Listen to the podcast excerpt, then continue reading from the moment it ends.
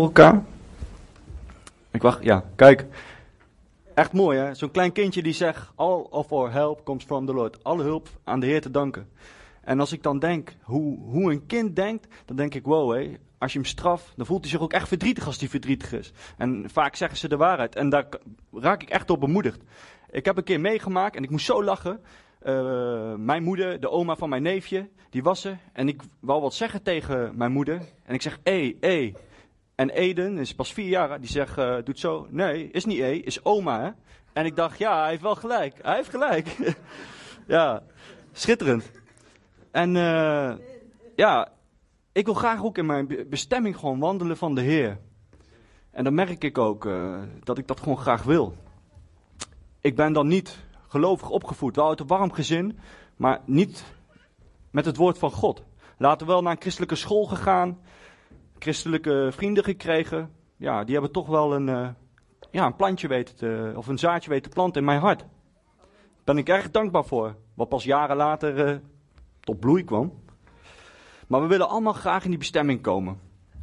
Maar het is moeilijk, want we merken dat we op deze, ja, op deze wereld toch wel uh, tegen van alles aanlopen. Als we de journaal kijken, als we normen en waarden zien veranderen, als we films kijken, de tekenfilms, de spelletjes, etc. Sommige mensen die zijn misschien, uh, ja, die houden echt van feesten. En die uh, doen zich, zichzelf pijn omdat ze misschien drugs gaan gebruiken of heel veel gaan drinken. Waardoor ze misschien uh, ja, uiteindelijk daarmee willen stoppen, maar ja, toch daarin gevangen zitten. En heb je andere mensen die misschien heel kritisch zijn en heel gedisciplineerd zijn. En daardoor juist wijzen en niet met die mensen meer willen omgaan. Ik denk ook niet dat dat goed is. Ik wil graag de volgende tekst op de beamen. Wat Jezus zegt in Matthäus vers 7, of hoofdstuk 7 vers 13 tot 14. Daar staat... Ga door de nauwe poort naar binnen, want de brede weg, die velen volgen, en de ruime poort, waar velen door naar binnen gaan, leiden naar de ondergang. Nauw is de poort naar het leven, en smal de weg er naartoe, en slechts weinigen weten die te vinden. Ik werd zo bepaald door deze tekst dat soms lijkt het alsof het een straf is dat we op die smalle pad moeten blijven. Maar onze Vader, God en de Heer Jezus, die wil ons juist bemoedigen en helpen. En, en, en, en, dat we niet alleen een zegen zijn voor elkaar, maar ook een zegen zijn voor onszelf. En voor, voor onze omgeving, voor onze familie. Mag ik het tweede plaatje, hè?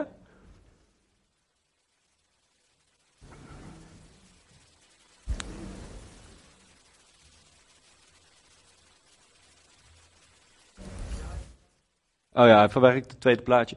In ieder geval, straks zien we een aardbol met de hand van de Heer erop. En ik denk soms wel eens, ja Heer, ga ook met dat doekje over die aardbol en was het gewoon schoon, want u kent dat. En doe dat ook in mijn eigen leven, zodat ik kan veranderen, dat ik uh, een zegen mag zijn, dat ik anders mag gaan denken, dat ik niet de hele tijd van mijn ja, fouten soms moet leren. Maar dat ik gewoon ja, eigenlijk al hè, zo sterk de geest in mij spreekt dat ik weet hoe ik het moet doen. Want ja, Jezus heeft het al laten zien. Het is allemaal geschreven, maar toch is het soms moeilijk. En is het met vallen en opstaan. Ik heb zelf uh, heel lang vechtsport beoefend. Tien jaar lang. Eigenlijk pas verleden jaar mee gestopt. Maar niet omdat ik het kon, maar de Heilige Geest ging mij dingen vertellen. Echt heel bijzonder was dat. Nou, jammer dat plaatje nog niet is, maar goed. Ik wil eigenlijk nou uh, volgende tekst uit Psalm 11, vers 5. Oké, dan lees ik het gewoon voor. In ieder geval, ik was op een dag gewoon thuis. Ik zat nog volop in het uh, vechtsport. Ik deed uh, op dat moment uh, kickboksen. En ik was gewoon de Psalm 11 aan het lezen. En ineens, in vers 5 staat dat de Heer hekel hebt aan de mens die geweld leuk vindt. En ik dacht helemaal niet aan de vechtsport, maar het kwam zo naar binnen bij mij. De Heilige Geest zei echt tegen mij, ja Edward, misschien is het toch anders de vechtsport wat jij beoefent dan dat, dat, dat, dan dat Hè? Er zit geweld in. Wat vind jij daarvan? Ja, en ik wou eigenlijk meteen zeggen, Heilige Geest, uh, ja, dit zal wel mijn eigen bedenksel zijn, want ik mag uh, doen wat ik wil en ik ga lekker door. Op een gegeven moment ging ik gewoon dus nog door met de vechtsport. En ineens, ik zat op mijn knieën, zo gaat het in de vechtsport, zit je op je knieën voor de sensei en je moet aangoed in de dojo. En ineens zegt de Heilige Geest tegen mij, Edward, waarom zit je op je knieën? Waarom goed je de dojo aan? Is dat heilig voor jou? Ik dacht, wow, dit gaat wel ver. Ik dacht weer, ah, dit is niet van de Heilige Geest. Verzin ik allemaal zelf. En op een gegeven moment was het toch zo krachtig, dat ik ook met mijn vrouw over heb gehad. Mijn vrouw zei ook, ja, als je dat zo voelt, dan moet je misschien stoppen. En ja, zo voelde ik het. Dus ik ging stoppen met uh, vechtsport. Maar ik zat op een, uh, op een sportschool, onbeperkt kon ik daar trainen. En daar hadden ze karate. Ik zag het, ik werd weer, ik werd weer verliefd op de vechtsport. En ik ging hem aanmelden. En uh, ja, op een gegeven moment weer hetzelfde riedeltje. Op de knieën, maar toen ging ik maar bidden tot Jezus. Oh Heer, vergeef me. En uh, weet je wel. En ik vertelde tegen mijn vrouw, ja, als ik op mijn knieën zit, bid ik nu. Ik uh, doe niet mee. En nou ja, mijn vrouw die knikte gewoon. Ze zegt, volgens mij weet je het wel. En ja, ik wist het ook wel, maar ze wist ook, er valt niet tegen te praten. Dus ik ging gewoon door. Tot ik op een dag met de blote voeten naar binnen kwam en ik had zin om uh, lekker te trainen. En ineens de Heilige Geest zegt, waarom uh, loop je met blote voeten hier op de grond dan? En ja, eerst de gedachte me opkwam, ja, dit is heilige grond. Hier wordt deze vechtsport beoefend. Hier moet je respect betuigen voor je medevechterskameraden, voor de sensei. En het is heilige grond. Ik schrok daar zo van, dat ik uiteindelijk toch maar een beslissing heb genomen. De Heilige Geest liet mij zo merken van blijf die smalle pad. Hè, dit was dan voor mij. Dat ik ben gestopt. En tot op vandaag mis ik de vechtsport gigantisch. Echt waar hoor, ik mis het gigantisch. Soms zie ik het op tv, kijk ik nog stiekem. Mis ik het heel erg. Maar gelukkig, hij die in mij woont. En wat ik allemaal terugkrijg van de Heer is onbetaalbaar. En gelukkig heb ik in positieve zin, hè, ja, uh, dat ik gewoon, uh, ja, hoe zeg je dat, godsvrees heb, hè, dat ik de Heer zo, zoveel van hou en ik weet dat Hij het beste voor mij over hebt, dat ik wil luisteren. Ik denk uh, dat we allemaal wel zoiets herkennen in de wereld. Hè. Nu, dit is dan een stukje sport, maar ja, muziek, spelletjes, wat ik al zei. Hoe de jeugd soms met elkaar omgaat. Als ik soms zie dat ze voetballen en dat ze elkaar uitschelden. En dat is gewoon voor de grap. Daarna lachen ze, ze duwen elkaar om. Vinden ze leuk, denk ik, wow, best heftig. Maar ook uh, voor de ouderen, als we op een gegeven moment moeten gaan werken in de maatschappij. Dat kan ook heftig zijn door de normen en waarden, door de snelheid, het tempo van het leven. Je moet uh, kunnen sms'en, telefoneren, uh, op vier plekken tegelijk zijn. ik trok het op een gegeven moment niet meer. Ik werkte in de zorg. Ik heb een burn-out gekregen. Ik heb vijf jaar in de zorg gewerkt. En door bezuinigingen moest alles anders. Op een gegeven moment stond ik in mijn eentje op acht man, allemaal hadden ze zorg nodig. En er gebeurden ongelukken. Ik ging eraan onderdoor. Dus ik kreeg een burn-out. Gevolg, ik moest medicijnen slikken, met psychologen in gesprek en noem maar op. Kijk, ik ben er nog steeds niet, maar ik merk wel dat de Heer mij helpt. En dus alle eer aan de Heer. Het gaat gewoon beter, ongelooflijk gewoon. Ja, en hierin denk ik ook dat we elkaar weer herkennen. Misschien dat je het niet op je werk hebt, maar dat je wel bepaalde dingen ook ziet wat ik ja, ook zie. Maar wat is zo krachtig aan de Heer? Wauw. Het is zo krachtig dat wanneer ik de Bijbel opensla en ga lezen, want de Heer die kent ons, de Heer kent mij beter dan dat ik mezelf ken. Dat bewijst hij elke dag weer. Ook dat ik hier sta is toch een gelukkig geschenk gewoon. Maar in ieder geval, als ik de Bijbel lees, dan merk ik dat ik de Heer en, en de Vader de karakter leer kennen. En dan denk ik, oh Heer, wat bent u goed. Hoewel ik vroeger soms dacht, vooral in het Oude Testament, poeh, maar ik merk ook door de Heilige Geest, als wij gaan bidden en we vragen wat aan de Vader, gaat Vader het vertellen. Misschien meteen, misschien door mensen heen, misschien later. Maar ik heb veel openbaringen ontvangen. Dat wat ik eerst niet begreep, ineens de Heer mij liet begrijpen. Maar wel op zijn tijd. De Heilige Geest kan alleen maar dat. Want dat kunnen we zelf niet, want wij uh, zijn gewoon mensen en wij denken altijd beter te weten. Maar de Heilige Geest is gegeven door Jezus en hij is, hij is onze leermeester, hij wil onze vriend zijn. Hij geeft ons een autoriteit die we zelf eigenlijk geen eens verdienen. Dat is pas genade. Ik merk dat ik soms zo kritisch ben, waar ik echt, ja, laatst echt op uh, mijn vingers getikt werd in een ontmoeting. Misschien kunnen we volgende plaatje, als dat lukt, plaatje 3. Als dat lukt, hè? Ja, eentje terug? Ja. Je moet je voorstellen, dat waarschijnlijk staat het aan een snelweg, dat iemand er voorbij rijdt. En dan zien ze, ja, beter bed, hé, hey, God is liefde. Als ik het zie, doet het wat met me. Dan word ik erg blij. Denk, ah ja, God is liefde. En dan ga ik bidden, hey, laat iedereen dat maar zien. Ik geloof in kracht van gebed. Maar ik kan ook voorstellen dat misschien sommige mensen uit een christelijk gezin komen en zo afgeknapt zijn door wetticisme, door kritiek, dat ze denken, God is liefde. Nou, echt niet kan beter het op mijn eigen manier doen. Of uh, ja, wat dan ook. Zijn veel verschillende manieren daarin. Ik kwam laatst uh, een oude bekende tegen, waar ik eerder wel eens een praatje mee maakte. Maar op een gegeven moment wist hij dat ik uh, tot geloof was gekomen. En hij had alleen maar kritiek op het geloof. Hij zei, ja, ik ken wel ook christenen die mij veroordelen en ik heb er helemaal niks mee. Nou, op een gegeven moment werd ik daar zat van. En ik had me voorgenomen, weet je wat? Als ik deze man zie, loop ik gewoon door. Ik zeg netjes hoor, maar ik heb geen zin meer om met deze man in gesprek te gaan. Want hij kraakt altijd het geloof af. Ik heb daar geen zin in. En ineens kwam ik hem weer tegen. En ik zeg weer hoi en ik wil doorlopen. En hij zegt tegen mij, hé, hey, maken we geen praatje meer. En ineens, ja, schrok ik. Ik denk, wow, hé. Ja, best wel hard eigenlijk. Dat hij het eigenlijk ook wel door heeft. Dat ik doorloop. En ineens moest ik denken wat Paulus zegt in 1 Korinthe 9, vers 19 tot 23. Ik weet niet of. Uh, ja, daar staat. Want, hoewel ik een vrij man ben, heb ik mij aan alle mensen onderschikt gemaakt om er zoveel mogelijk voor Christus te winnen. Als ik bij Joden ben, leef ik als een Jood om hen voor Christus te winnen. Als ik bij mensen ben die zich aan de wet van Mozes houden, houd ik mij er ook aan omdat ik hen voor Christus wil winnen. Als ik bij mensen ben die niet volgens de wet van Mozes leven, houd ik mij er ook niet aan, omdat ik hen voor Christus wil winnen. Maar dat wil niet zeggen dat ik zonder Gods wet leef.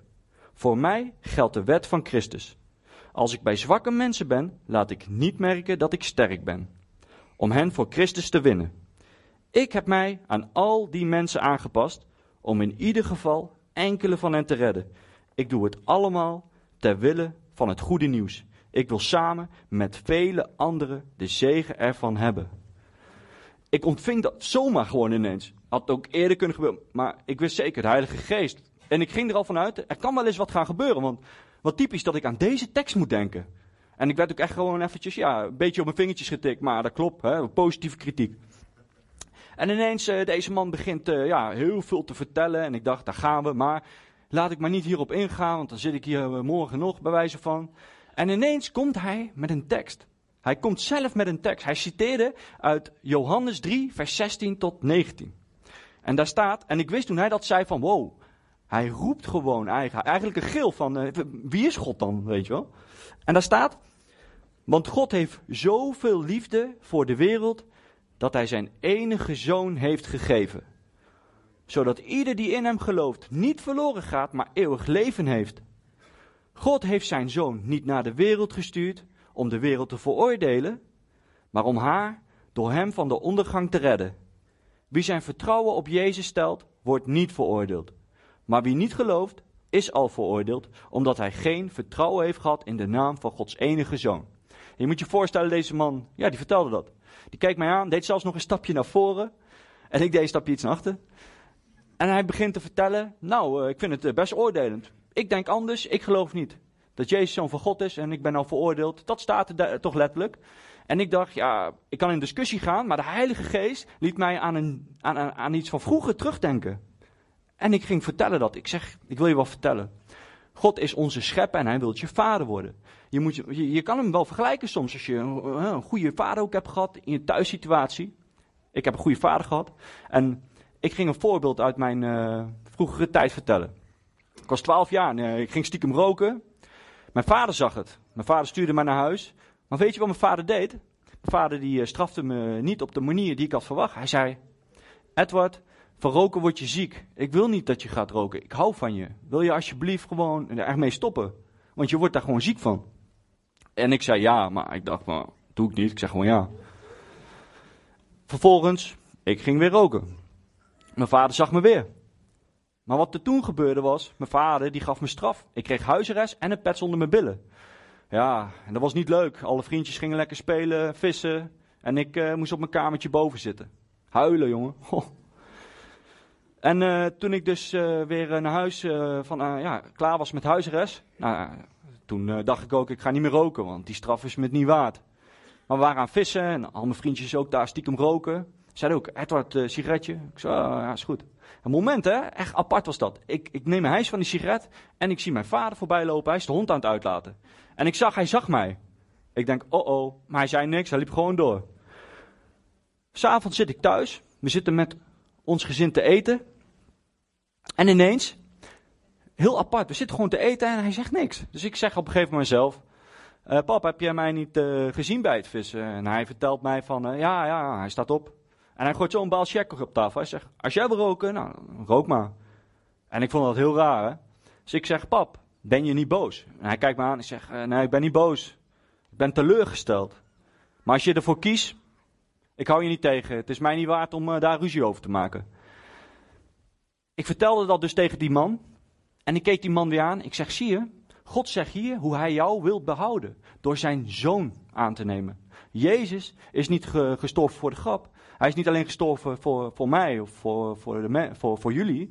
Voor die al in God, in de zoon geloven. Maar voor de hele wereld. Zelfs voor de mensen van, van IS. Wanneer zij om vergeving vragen. Hè, denk aan het verhaal van uh, Saulus die Paulus werd.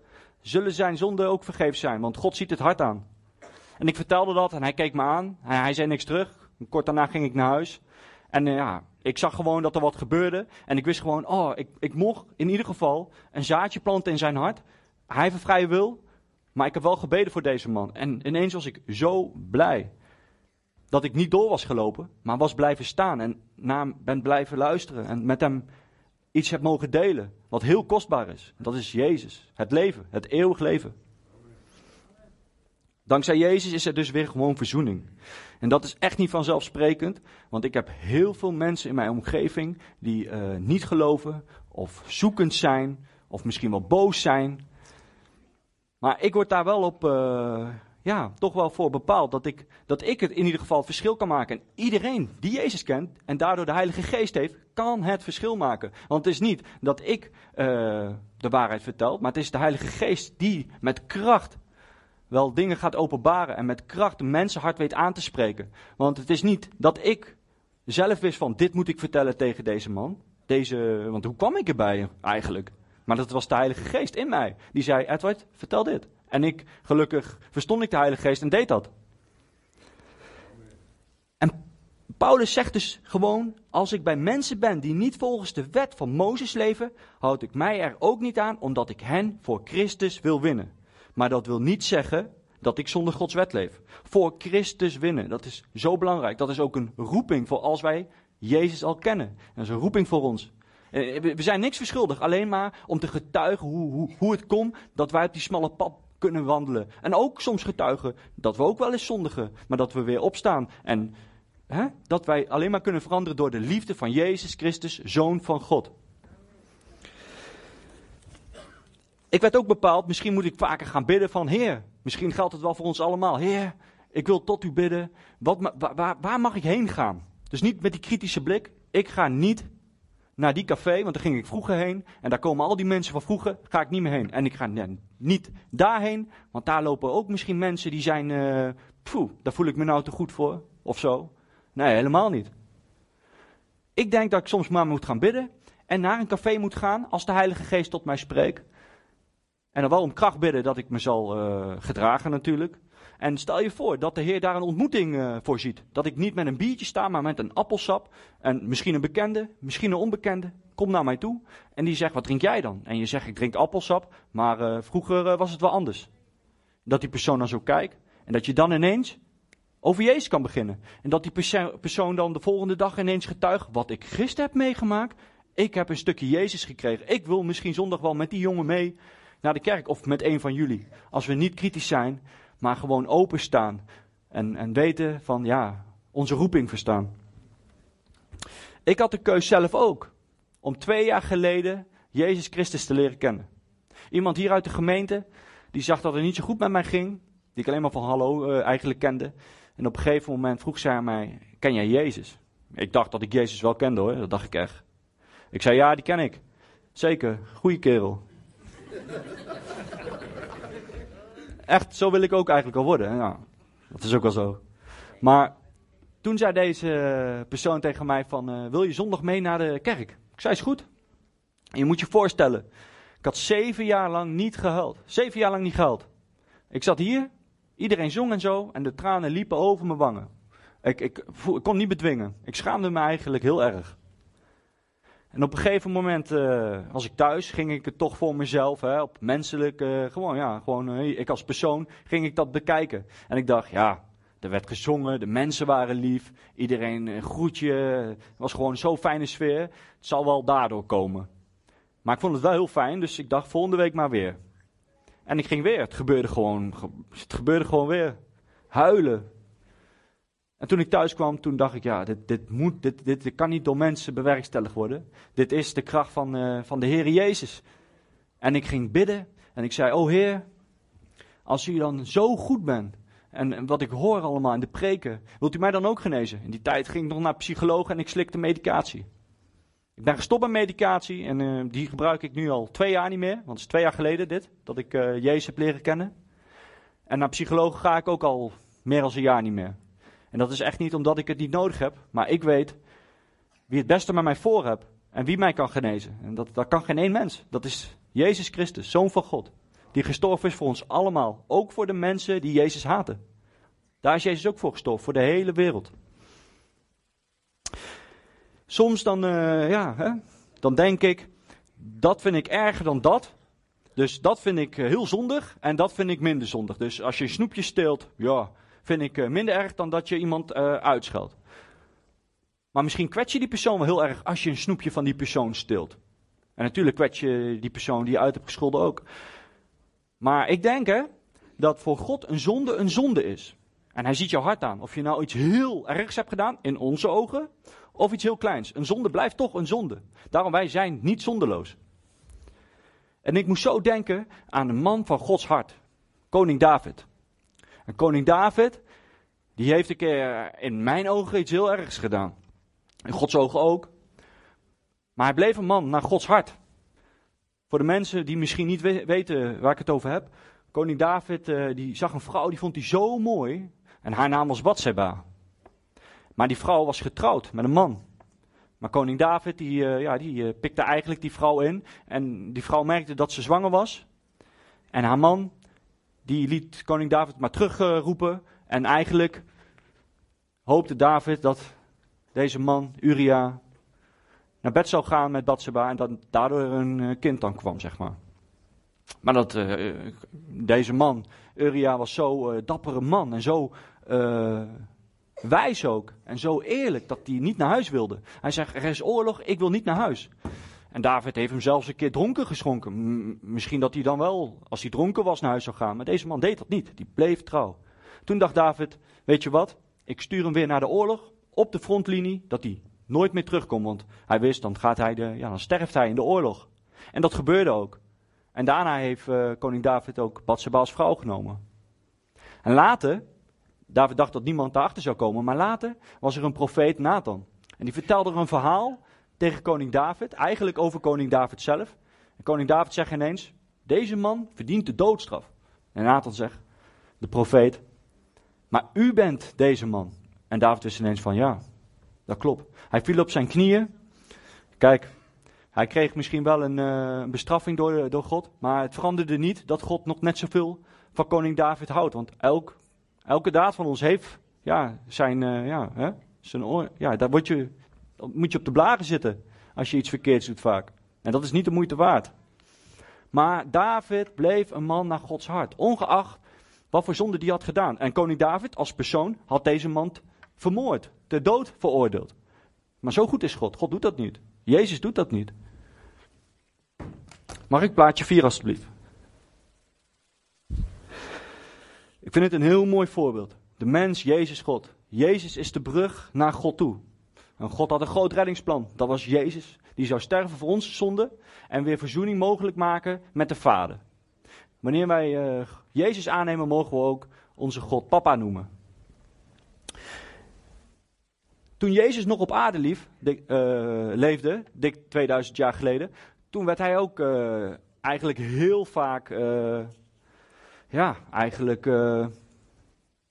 wilden ze gewoon ruzie maken met Jezus. Of hem, ja, ze geloofden niet dat Jezus de Messias was, want daar ging allemaal natuurlijk de ronde in. Jezus had heel veel volgelingen op een gegeven moment.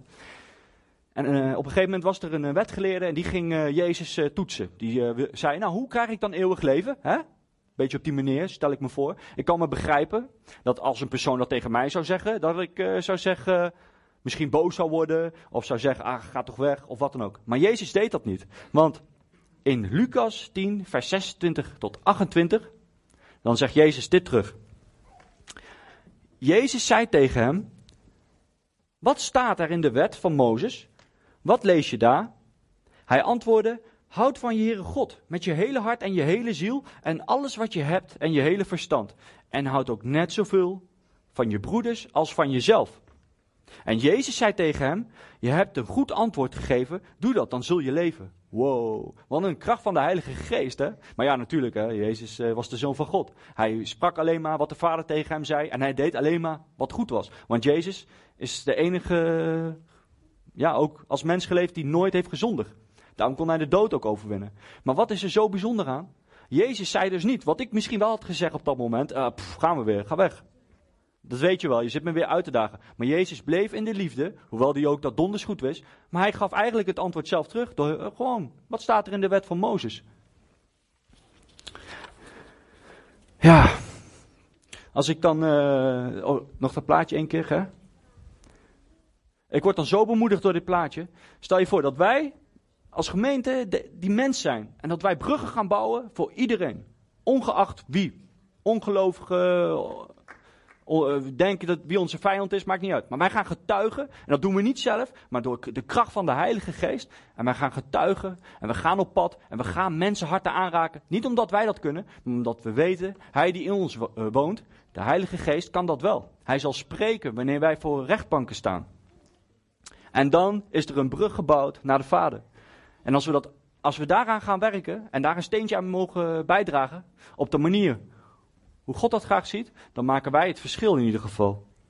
Ja, mensen, ik wil eigenlijk uh, sluiten met een gebed. En als je wilt staan, mag dat. En dan wil ik uh, ja, elkaar uh, bemoedigen. Heer Jezus, dank u wel. U bent zo goed voor ons allemaal. U heeft wonderen gedaan. U, ja, in, met uw autoriteit mogen wij zelf zieke mensen de hand opleggen. En niet omdat wij ze kunnen genemen, maar omdat wij in u geloven en in uw naam dat mogen doen. Heer, wilt u misschien deze week en eigenlijk elke dag bij ons zijn en zorgen dat wij een ontmoeting krijgen met mensen die u hard zoeken of misschien niet begrijpen wie u daadwerkelijk bent mogen wij de mensen hart aanraken. Niet omdat wij dat kunnen, maar omdat de Heilige Geest staat vurig in vlam om dat te mogen bewerkstelligen voor de hele wereld. Heer, wilt u vandaag bij ons beginnen en ons aanraken, zodat wij het verschil mogen maken in deze wereld. Door liefde, maar niet alleen door te doen, maar ook door te spreken en andersom. Wilt u ons ook helpen om die smalle pad te blijven betreden? Niet omdat dat een straf is, maar omdat het een zegen is. Heer, dank u wel voor uw liefde. U bent een goede God. Dank u wel dat ik Jezus heb leren kennen en dat ik u vader mag noemen, Heer, Heere God. Oh, dank u wel, vader. Ja, zo zegen ik jullie ook vandaag. En ga en volg Jezus Christus met je hele hart en bid met hem. En hij zal tot ons spreken. Dank u wel. In Jezus' naam. Amen. Amen.